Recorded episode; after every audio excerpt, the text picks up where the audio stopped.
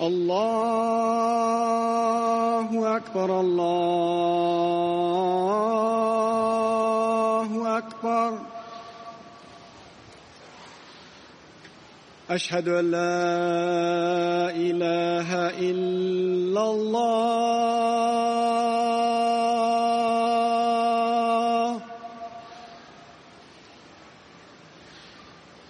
أشهد أن لا إله إلا الله.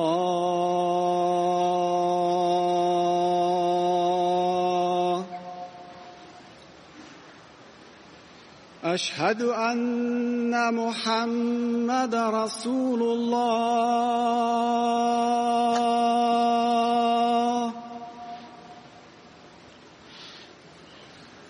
أشهد أن محمد رسول الله.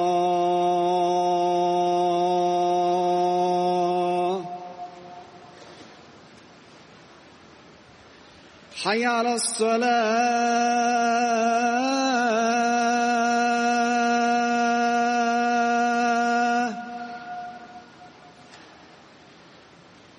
حي على الصلاة.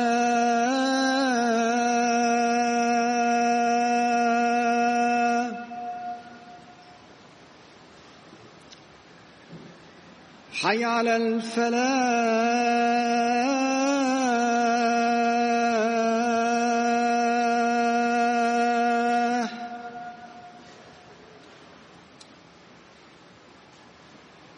حي على الفلاح.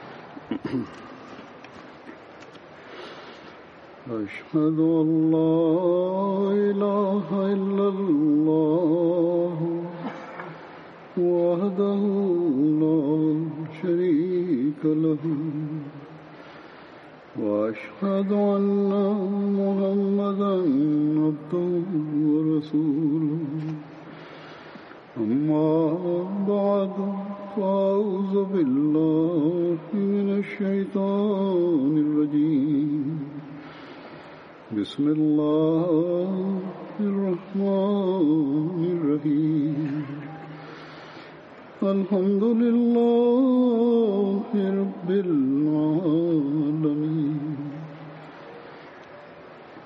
الرحمن الرحيم.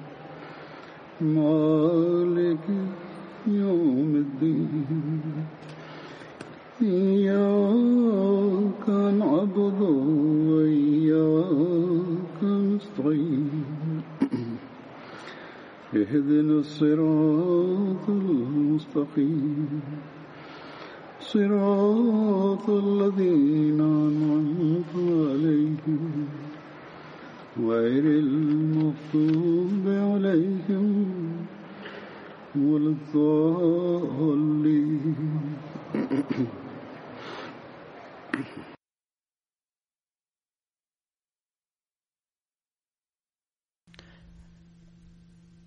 هل يصل صوتي إلى آخر القاعة؟ هل هناك ترتيبات لذلك؟ هل فحصتم؟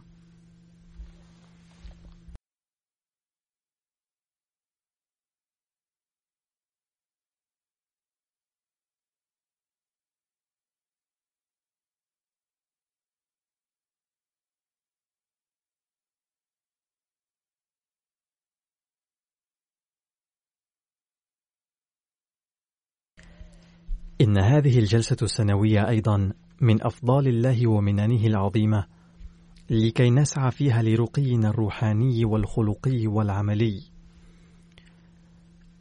ولكي نسعى للتقدم في مجال قرب الله وتقواه.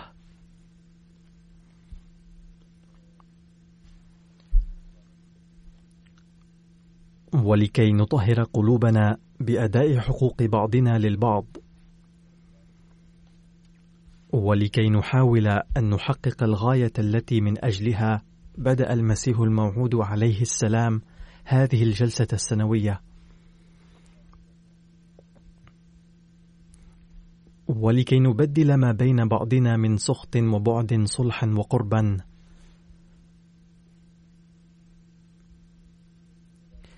إن كل هذه الأمور قد جعلها المسيح الموعود عليه السلام من أهداف هذه الجلسة.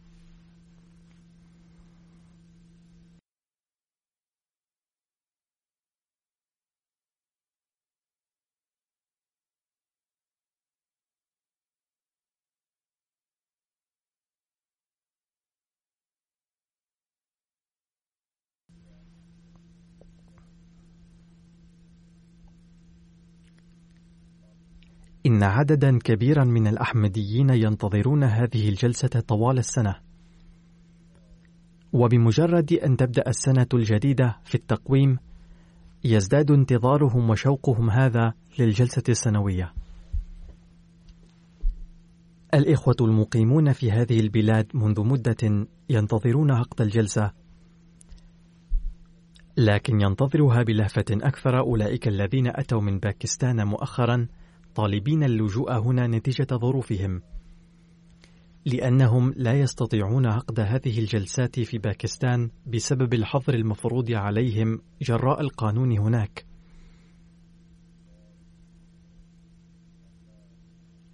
ومنذ فترة طويلة لا علم لهم بماهية الجلسة السنوية. ومثل هؤلاء قد ازداد عددهم من المئات إلى الآلاف. ولا يزال في ازدياد. كما يزداد باستمرار عدد الذين يحضرون من البلاد الأخرى إلى ألمانيا من أجل هذه الجلسة السنوية فقط حيث يأتي الإخوة إلى ألمانيا لهذا الغرض بعدد لا بأس به.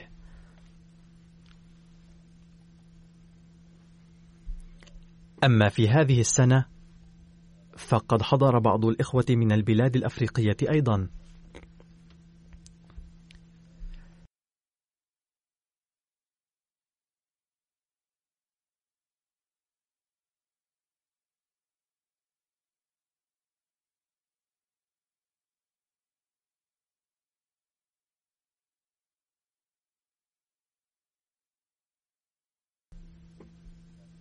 ينتظر الإخوة هذه الجلسة بكل شوق ووله ويجب أن ينتظروها.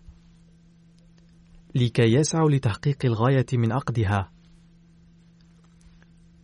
ومن لا يحمل هذا التفكير ولا يحضر الجلسة بهذه النية فانتظاره لها عبث ولغو ولا جدوى من حضوره إياها. فكل من يحضر الجلسة ذكرا كان أو أنثى. ينبغي أن يفحص نفسه دائما ويرى ما إذا كان يسعى للفوز برضا الله تعالى أو قد حضرها بهذه النية على الأقل أم لا. وما إذا كان يسعى ليزداد تقوى ويحاول أداء حقوق الآخرين بالتحلي بالأخلاق الفاضلة. أو على الأقل قد جاء بهذه النية أم لا. وإذا كان لا يفعل ذلك فإن حضوره الجلسة عبث ولا فائدة ترجى من حضوره. ولكن لسعي المرء دخل حتما في الانتفاع من هذه الأجواء. لذا فلا بد لنا من السعي لذلك لكي تتحقق لنا كل هذه الأمور ولكي نكون من الذين يحظون بأفضال الله تعالى. ولكي نرث الأدعية التي دعا بها المسيح الموعود عليه السلام للذين يحضرون هذه الجلسة. لقد تبرأ المسيح الموعود عليه السلام من الذين لا يحضرون هذه الجلسة بهذه النية ولا يسوغون أعمالهم بحسبها. لقد قال عليه السلام إني لا أحب أبدا أن أجمع أتباعي من أجل الرياء والتباهي بين الناس فقط كما يفعل أصحاب الزوايا المعاصرون. وإنما العلة الغائية التي ألجأتني إلى هذا الأمر هي إصلاح خلق الله.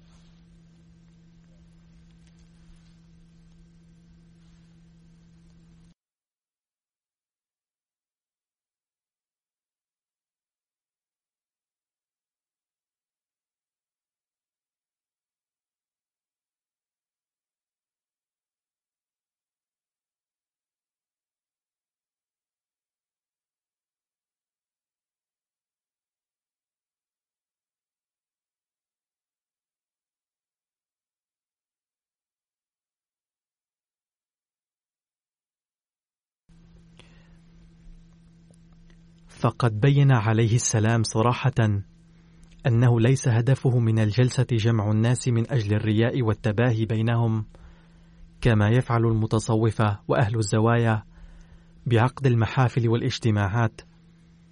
بل الهدف الذي من أجله بدأت الجلسة إنما هو إصلاح خلق الله لكي يؤدوا حقوق الله ويؤدي بعضهم حقوق بعض أيضا. ولم يتبرأ المسيح الموعود عليه السلام من الذين لا يصلحون أنفسهم فقط بل أبدى كراهيته لهم. ما الفائدة؟ ولو بلغ عدد الحضور هنا ثلاثين أو حتى أربعين ألفا من القوم إن لم نحقق أمنية المسيح الموعود عليه السلام. وكنا نربي حب الدنيا في قلوبنا ولا يكون حب الله ورسوله غالبا على حبنا للدنيا. ولا نعيش عاملين بأحكام الله ورسوله صلى الله عليه وسلم.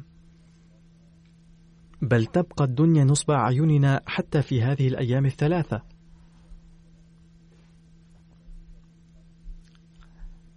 فينبغي أن يفكر الجميع في هذه الأمور. لقد انتهى شهر رمضان قبل أيام وكان شهر الإصلاح والرقي الروحاني. وقد تيسرت فيه لكل مؤمن فرص كثيرة للعبادات الشخصية وللصيام ولذكر الله. والآن قد تيسر لكم معسكر ثلاثة أيام تتاح لكم فيه الفرص للترقي الديني والعملي. وتجدون فيه جوا ملائما للعبادات وذكر الله تعالى. هذه فرصة رائعة للاستفادة من كل هذه الأشياء معًا. الجميع يركزون على العبادة معا ويصلون النوافل ويتهجدون.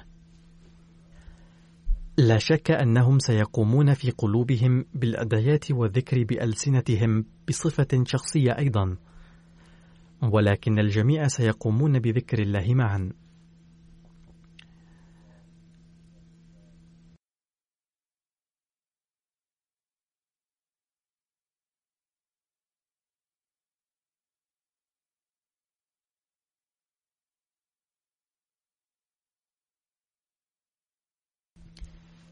فإن لم ننتفع من هذه الأجواء الآن فمتى سننتفع؟ هذه مسؤولية كبيرة ألقاها المسيح الموعود عليه السلام على عاتق المؤمنين به، وعلق عليهم آمالا كبيرة، فهذا ليس بأمر هين. لن تستفيدوا من هذا الجو حق الاستفادة إلا إذا فتر حبكم للدنيا مقابل حب الله ورسوله. إن إعطاء المرء حب الدنيا أهمية ثانوية مقابل حب الله ورسوله لأمر عظيم.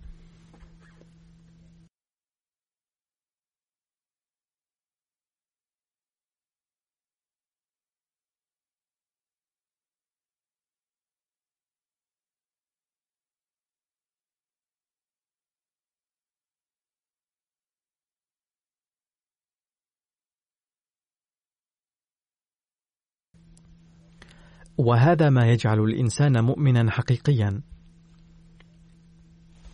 أي لابد له من الاشتغال بأمور دنيوية أيضا بعد هذه الأيام الثلاثة للجلسة. ولكن لن تنفعكم التربية التي نلتموها في هذه الأيام ولن ينفعكم الاشتراك في الجلسة إلا إذا قدمتم الدين على الدنيا على الرغم من مشاغلكم الدنيوية. ولا بد أن تجعلوا حب الدنيا فاترا في هذه الأيام بوجه خاص. نرى في أيام الجلسة أن هناك أسواقا مجهزة حيث تباع وتشترى أشياء دنيوية. فعلى الحاضرين وأصحاب المحلات إدراك أن التجوال في هذه الأسواق والشراء والبيع لجلب الربح في أثناء فعاليات الجلسة يندرج تحت المشاغل الدنيوية. فاجتنبوها. وينبغي على الزبائن وأصحاب المحلات أن يسمعوا الخطابات الملقاة في الجلسة بانتباه. وفي أوقات الاستراحة يحق لهم أن يزوروا الأسواق ولكن حتى في هذه الحال أيضا يجب أن يؤدوا حق الأسواق. ومنها إلقاء السلام على الآخرين والاستمرار في ذكر الله تعالى وألا يزدحموا في المحلات ولا يتدافعوا. وينبغي على أصحاب المحلات أن يبيعوا بضاعتهم بربح مناسب ولا يكسب ربحا أكثر من المفروض استغلالا لاضطرار أحد. وليستمر الزبائن وأصحاب المحلات في ذكر الله في الأسواق كما قلت من قبل. وإذا التزمنا بهذه الأمور في الظاهر تغيرت حالة قلوبنا أيضا ونشأت فيها التقوى وحب الله تعالى.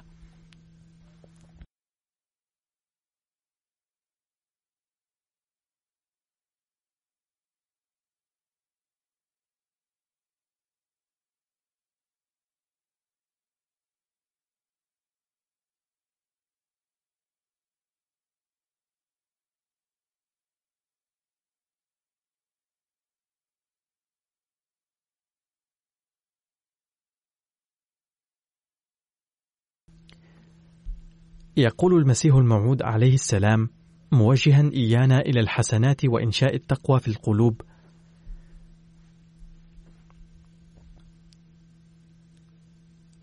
لقد جعل الله تعالى الهدف من إنشاء هذه الجماعة أن يقيم مجددا المعرفة الحقيقية التي فقدت من الدنيا ويعيد التقوى والطهارة الحقيقية التي لا توجد في هذا العصر. ويقول عليه السلام في موضع آخر ناصحا إيانا برفع مستوى التقوى. يا من تحسبون أنفسكم من جماعتي. لن تعدوا من جماعتي في السماء ما لم تسلكوا دروب التقوى في الحقيقة. ثم يقول عليه السلام لخلق عظمة الله وحبه في القلوب. رسخوا عظمة الله في القلوب ولا تقروا بعظمة الله باللسان فقط. بل بالعمل أيضا لينزل الله عليكم فضله وإحسانه.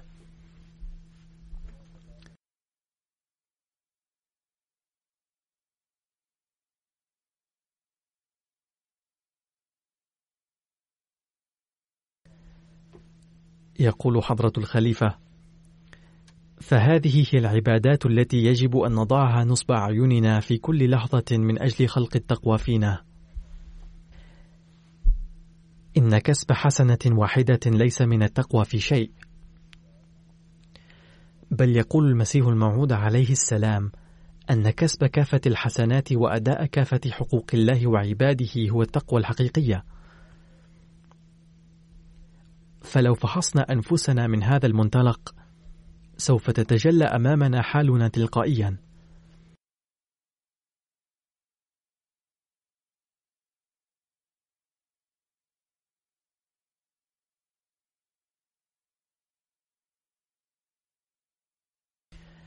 هناك بعض الناس الذين يحسنون صنعا في الخارج وفي أعمال الجماعة مثلا. ولكن زوجاتهم وأولادهم يكونون متضايقين جدا منهم. وبينما يؤدي بعضهم حقوق أهل البيت يغفلون عن أداء حقوق الله وعن عبادته. أتلقى مثل هذه الشكاوى أيضا. إذ إن البعض يعبدون الله تعالى في الظاهر ولكنهم يغتصبون حقوق بعضهم البعض على المستوى الاجتماعي. والبعض يقومون بالحسنات أمام أهل الدنيا رياء فقط وينسون أن الله تعالى يعلم بنواياهم أيضا ويراهم في كل حال.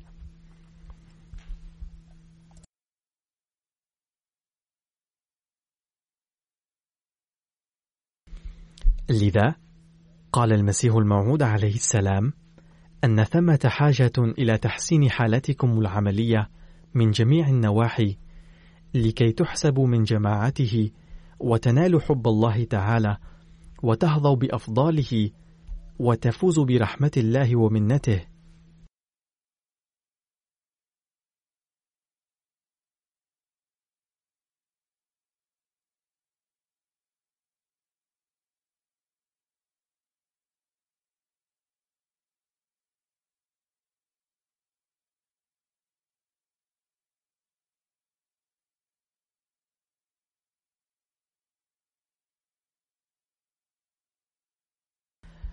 وهذه الجلسات إنما تعقد لهذا الغرض لكي تتوجهوا إلى الحسنات ولكي يوجهكم الخطباء إلى ذلك في خطاباتهم ولكي يهيأ لكم جو تروا فيه جانبا من رضا الله تعالى في كل عمل لكم. ولتحقيق هذا الهدف قال المسيح الموعود عليه السلام في مناسبة.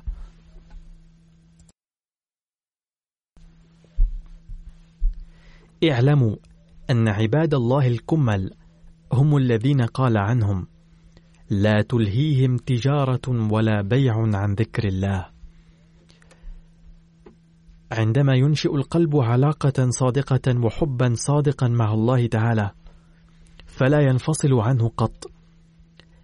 يمكن فهم هذه الكيفية من أنه إذا كان لدى أحدكم ولد مريض فحيثما يذهب ومهما كان مشغولا في عمل يبقى قلبه وانتباهه مشغولا بالولد. كذلك الذين يخلقون علاقة صادقة وحبا صادقا مع الله تعالى لا ينسون الله بحال من الأحوال.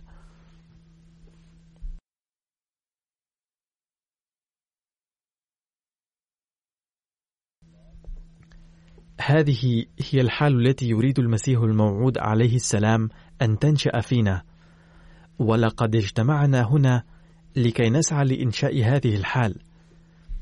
فينبغي أن يسعى كل واحد منا لذلك ويدعو الله تعالى أن يوفقنا لذلك.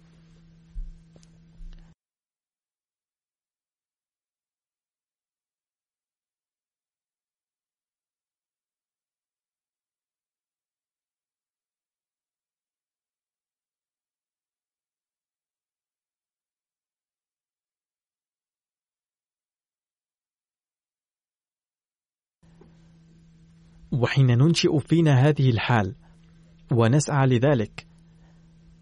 سيذكرنا الله تعالى كما قال فاذكروني أذكركم.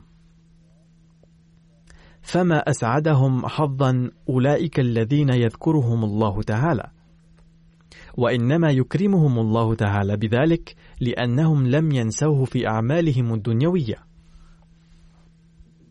وفي هذه الأيام ينبغي أن نسعى بوجه خاص للقيام بذكر الله تعالى ذكرا حقيقيا ليذكرنا الله أيضا ويكرمنا بأفضاله.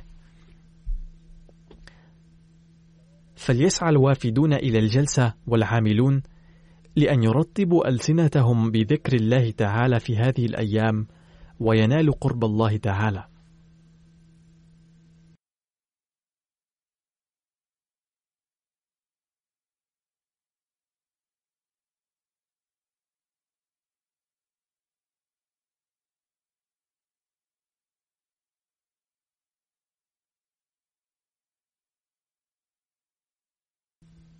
أثمة شيء أعظم من أن يذكرنا الله تعالى؟ لذا ينبغي أن نسعى لذلك، لأننا من دون ذلك لن نعد من جماعة المسيح الموعود عليه السلام في السماء. وينبغي أن تبعث فينا كلمات المسيح الموعود عليه السلام هذه القلق من أننا لن نعد من جماعته ما لم نسلك دروب التقوى حقا. لقد طرد كثير منهم من قبل أقاربهم فهاجرتم إلى هنا لأنكم كنتم تواجهون معارضة أعداء الجماعة بسبب قبولكم الأحمدية. ولأن قانون بلدكم فرض القيود على حريتكم الدينية ولكن بالرغم من ذلك كله وبالرغم من المعاناة التي يواجهها الأحمديون في باكستان وفي بعض الدول الأخرى أو واجهها بعضكم إذا لم تحسبوا من جماعة المسيح الموعود عليه السلام بسبب تقصيراتكم العملية ولم تعدوا من أولئك المحظوظين الذين يذكرهم الله تعالى فهل من خسارة أكبر من ذلك؟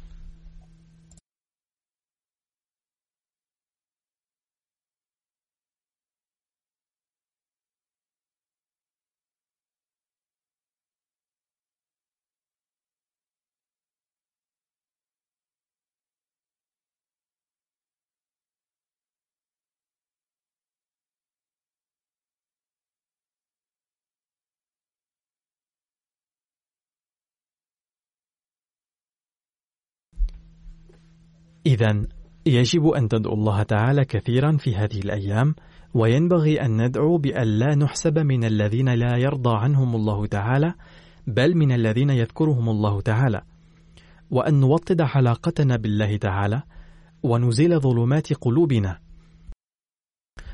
عليكم أن تذكروا الله تعالى أثناء مجريات الجلسة كما في الفواصل وفي الليل أيضا وأن تدعوه إضافة إلى ذلك بكل عزيمة أن يا رب إننا حضرنا بحسن النية الجلسة التي بدأها مسيحك والتي بدأت بتأييدك الخاص وعلمك وإننا قد حضرناها لنيل رضاك ولنزداد ذكرا لك وللفوز بحبك. فمتعنا بجميع البركات التي جعلتها منوطة بهذه الجلسة وأحدث فينا التغيرات الحسنة التي تريدها والتي من أجلها بعثت الخادم الصادق للرسول صلى الله عليه وسلم في هذا الزمن لكي نكون من المبايعين الصادقين حقا. فحين نقضي هذه الأيام مستعينين بالله ومستغفرين ومصلين على النبي صلى الله عليه وسلم ومخلصين لله تعالى فسوف ترتفع مستويات عباداتنا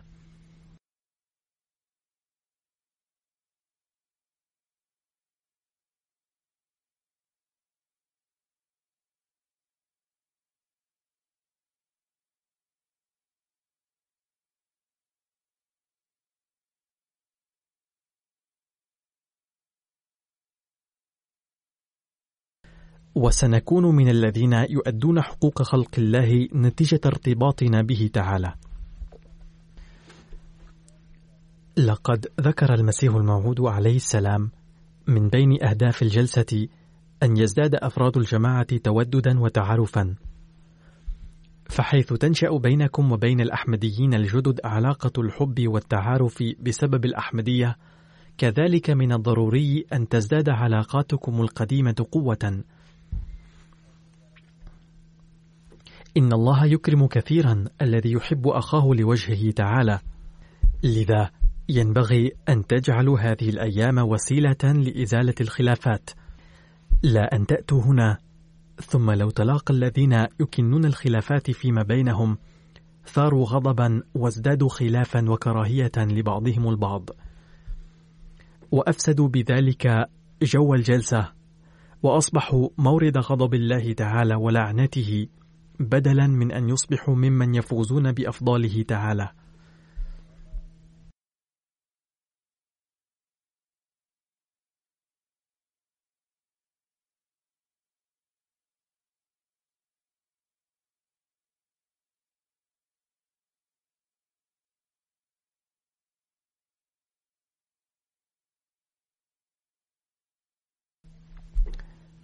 لقد حسب المسيح الموعود عليه السلام الجلسة السنوية من شعائر الله تعالى، فالذين يسيئون إلى قدسية شعائر الله تعالى يأتون تحت طائلة غضب الله تعالى.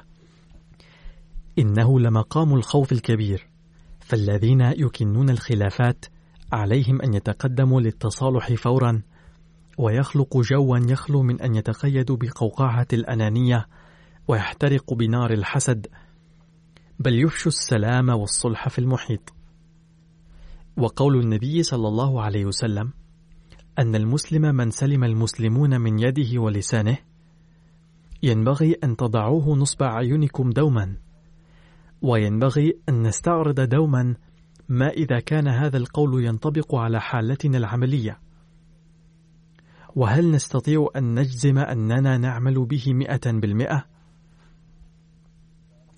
إذا كان الأمر كذلك وإذا كان كل واحد منكم كذلك فيجب ألا تأتي أية قضية إلى دار القضاء ولا ترفع القضايا في محاكم البلد لاستعادة الحقوق.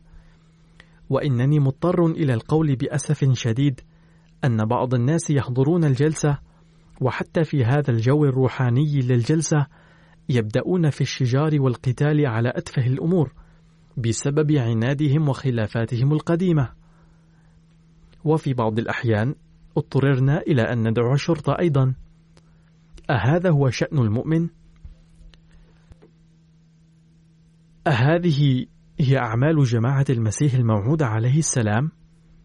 كلا سواء طردهم نظام الجماعة من الجماعة أم لا فإنهم بسبب أعمالهم يخرجون من الجماعة في نظر الله تعالى.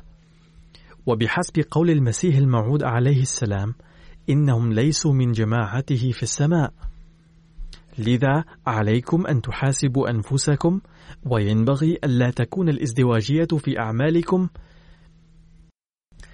وأن تزيلوا كدورة قلوبكم وتسلكوا طريق العفو والتسامح والصلح لنيل رضا الله تعالى. وتخبر العالم أنه بعد مبايعتكم للمسيح الموعود عليه السلام قد حدث انقلاب في حالتكم الروحانية والأخلاقية.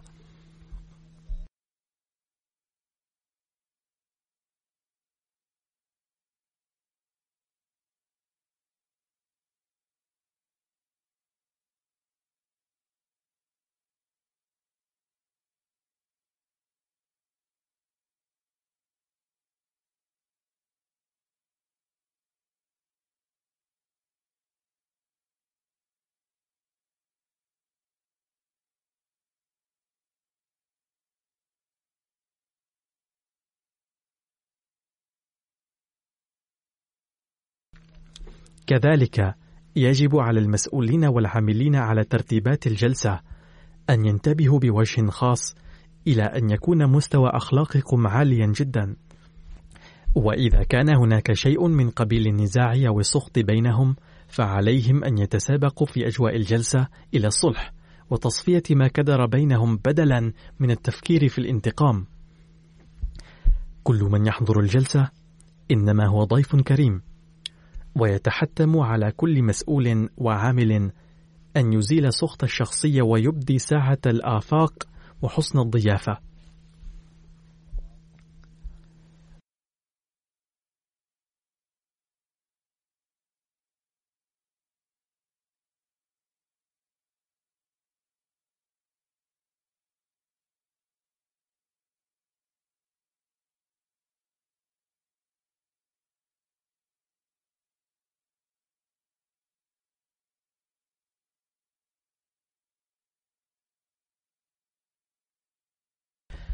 ومن واجب المسؤولين بوجه خاص أن يتحلوا بصفة التحمل والجلد كما عليهم أن يحسبوا أنفسهم خداما. أما أفراد الجماعة العاديون فعليهم أن يحسبوا المسؤولين ممثلي الجماعة. ففي هذه الحال فقط يمكن أن تزول النزاعات والتوتر بين أفراد الجماعة. ولكنني أقول بكل أسف أن بعض المسؤولين هنا لم يؤدوا حق مناصبهم.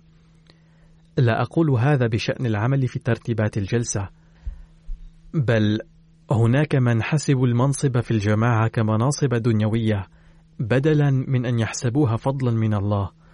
ولهذا السبب اضطررت إلى عزل بعضهم من مناصبهم.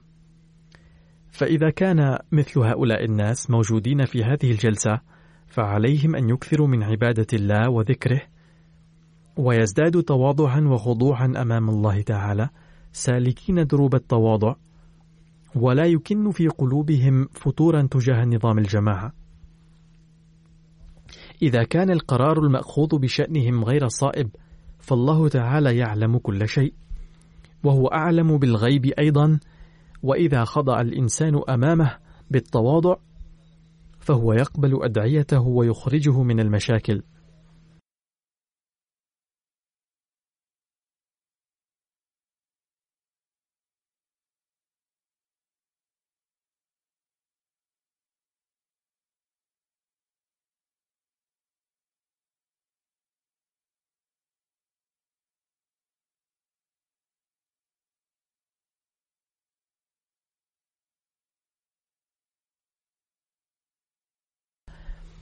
يجب أن تتذكروا دائما أن المنصب ليس هو الأصل بل الأصل هو أن يؤدي المرء حق بيعته سواء أكان يشغل منصبا أو كان فردا عاديا في الجماعة. يقول المسيح الموعود عليه السلام بشأن أداء هذا الحق يا من كنتم من جماعتي كان الله معكم وأعدكم القادر الكريم لسفر الآخرة كما أعد أصحاب النبي الأكرم صلى الله عليه وسلم. اعلموا جيدا أن الدنيا ليست بشيء وملعونة تلك الحياة التي هي من أجل الدنيا فقط وشقي ذلك الشخص الذي يكون كل همه وغمه من أجلها. إن شخصا كهذا ليس من جماعتي قط وإنما ينسب نفسه إليها عبثا فهو كغصن جاف لن يثمر. أيها السعداء انكبوا على التعليم الذي أعطيته من أجل نجاتكم. آمنوا بالله واحدا لا شريك له ولا تشركوا به شيئا لا في السماء ولا في الأرض. لا يمنعكم الله من الأخذ بالأسباب ولكنه مشرك من يهجر الله تعالى ويعتمد على الأسباب فقط.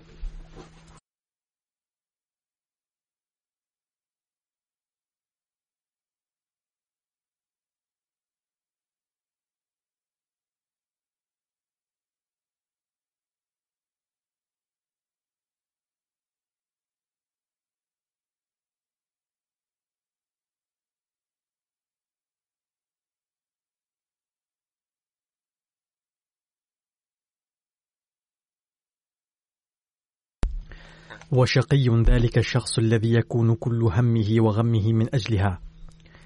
إن شخصا كهذا ليس من جماعة قط وإنما ينسب نفسه إليها عبثا. فهو كغصن جاف لن يثمر. أيها السعداء انكبوا على التعليم الذي أعطيته من أجل نجاتكم. آمنوا بالله واحدا لا شريك له ولا تشركوا به شيئا لا في السماء ولا في الأرض. لا يمنعكم الله من الأخذ بالأسباب ولكنه مشرك من يهجر الله تعالى ويعتمد على الأسباب فقط. لقد قال الله تعالى منذ القدم أن لا نجاة دون صفاء القلب. فكونوا أصفياء القلوب وتخلوا عن الضغائن والغضب. في نفس الإنسان الأمارة أنواع عدة من النجاسة وأسوأها نجاسة الكبر. لولا الكبر لما بقي أحد كافرا. فكونوا متواضعين وواسوا بني البشر بشكل عام إنكم تعظونهم للفوز بالجنة. ولكن كيف تكون موعظتكم في محلها ما لم تكونوا لهم من الناصحين في هذه الدنيا الفانية؟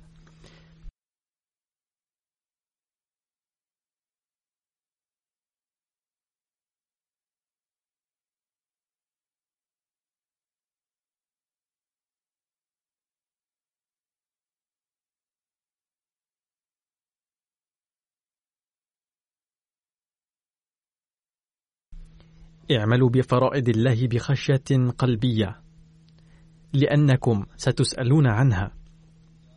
أكثروا من الدعاء في الصلوات ليجذبكم الله إليه ويطهر قلوبكم لأن الإنسان ضعيف ولا يمكن أن يتخلص من أي سيئة إلا بقوة من الله تعالى. وما لم ينل الإنسان قوة من الله فلا يقدر على التخلص من السيئة. ليس المراد من الإسلام أن يقال عن أحد أنه ينطق بكلمة الشهادة عادة فقط. بل حقيقة الإسلام أن تخر أرواحكم على عتبة الله تعالى وأن تقدموه وأوامره على دنياكم في كل أمر. انتهى الاقتباس.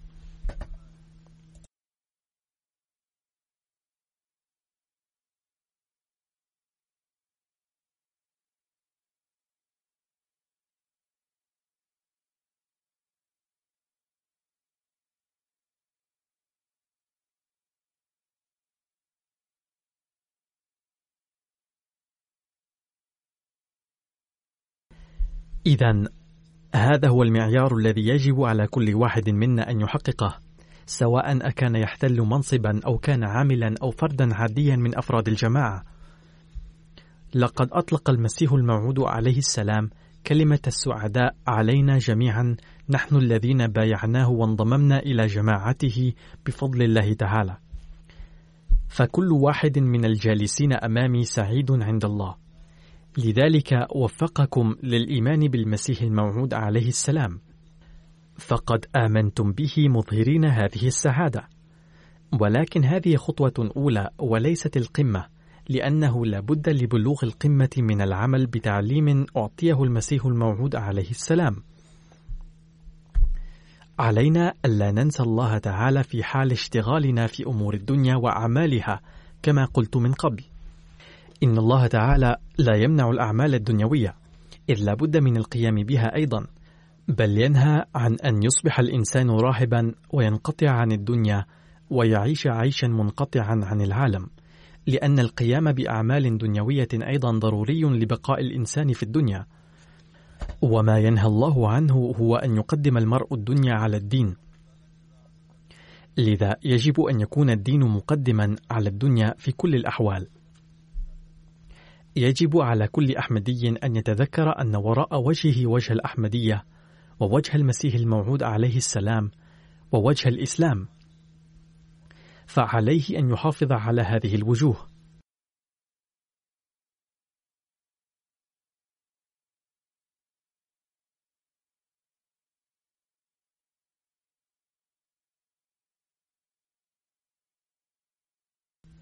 والذين وفقهم الله تعالى لخدمة الدين وأعطاهم فرصة للخدمة عليهم أن يؤدوا هذه المسؤولية على خير ما يرام. ويجب أن يجعلوا قول المسيح الموعود عليه السلام نصب أعينهم دائما حيث يقول عليكم ألا تسيئوا إلى سمعتي بعد بيعتي فلا يظنن أحد أن هذا الأمر موجه إلى المسؤولين فقط والآخرون مستثنون منه بل على كل فرد من أفراد الجماعة أن يضع هذا الأمر في باله دائما.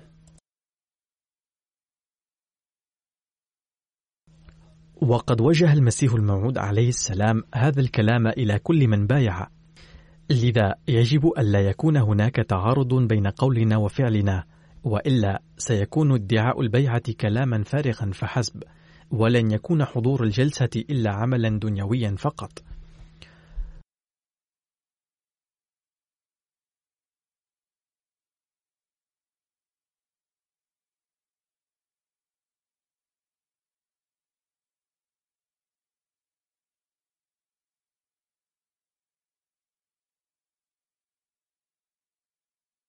أقدم لكم الآن دعاء للمسيح الموعود عليه السلام الذي يتبين منه مدى الألم الذي كان يكنه للمؤمنين به فيقول عليه السلام أدعو الله تعالى وسأواظب عليه إلى أنفاسي الأخيرة أن يطهر قلوب أبناء جماعتي ويمد إليهم يد رحمته ويصرف قلوبهم إليه وينزع منهم كل أنواع الشر والحقد ويهب لهم الحب المتبادل الصادق وإنني على يقين أن دعائي هذا سيستجاب يوما بإذن الله وأن الله لن يضيع أدعيتي. انتهى الاقتباس.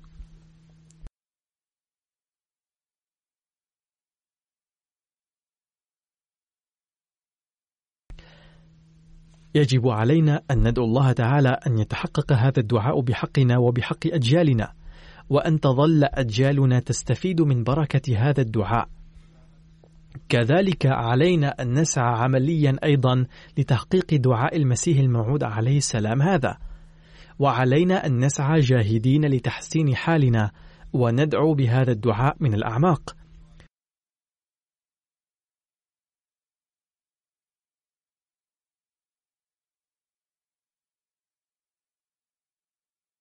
وفقنا الله تعالى لذلك.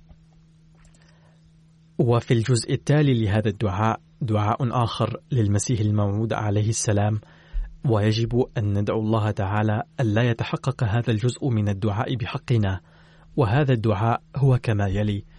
وأدعو أيضا أنه إذا كان في جماعة شقي أزلي بحسب علم الله ومشيئته لم يقدر له أن ينال الطهارة وخشية الله الصادقة فاصرفه يا رب عني كانصرافه عنك.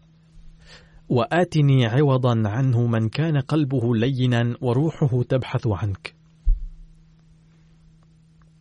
ندعو الله تعالى أن ينقذنا من هذه الحال وألا ننحرف عن الله ورسوله ويوفقنا للحفاظ على إيماننا ويزيدنا إيمانا دائما ونتمتع دائما بالأدعية التي دعاها المسيح الموعود عليه السلام بحق المؤمنين به.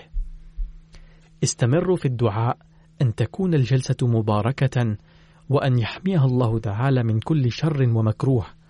وعليكم أن تكونوا حذرين ومتيقظين بوجه خاص في هذه الأيام. وادعوا أن ينقذنا الله تعالى من شر كل شرير وحسد كل حاسد.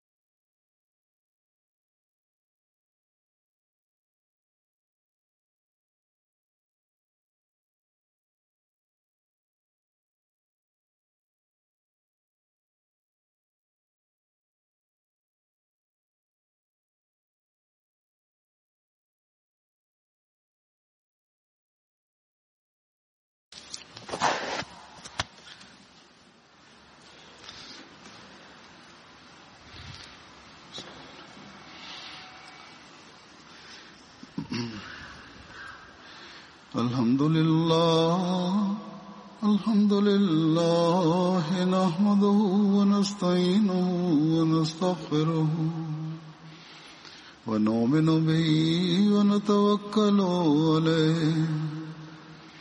ونعوذ بالله من شرور أنفسنا ومن سيئات أعمالنا.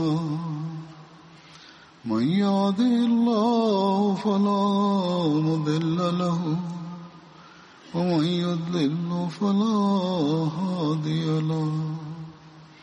ونشهد أن لا إله إلا الله ونشهد أن محمدا عبده ورسوله.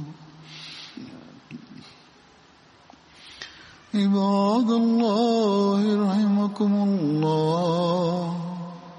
إن الله يعمر بالعدل واللسان وإيتاء ذي القربى وينهى عن الفحشاء والمنكر والبغي يعظكم لعلكم تذكرون. اذكروا الله يذكركم وادعوه يستجب لكم ولذكر الله أكبر.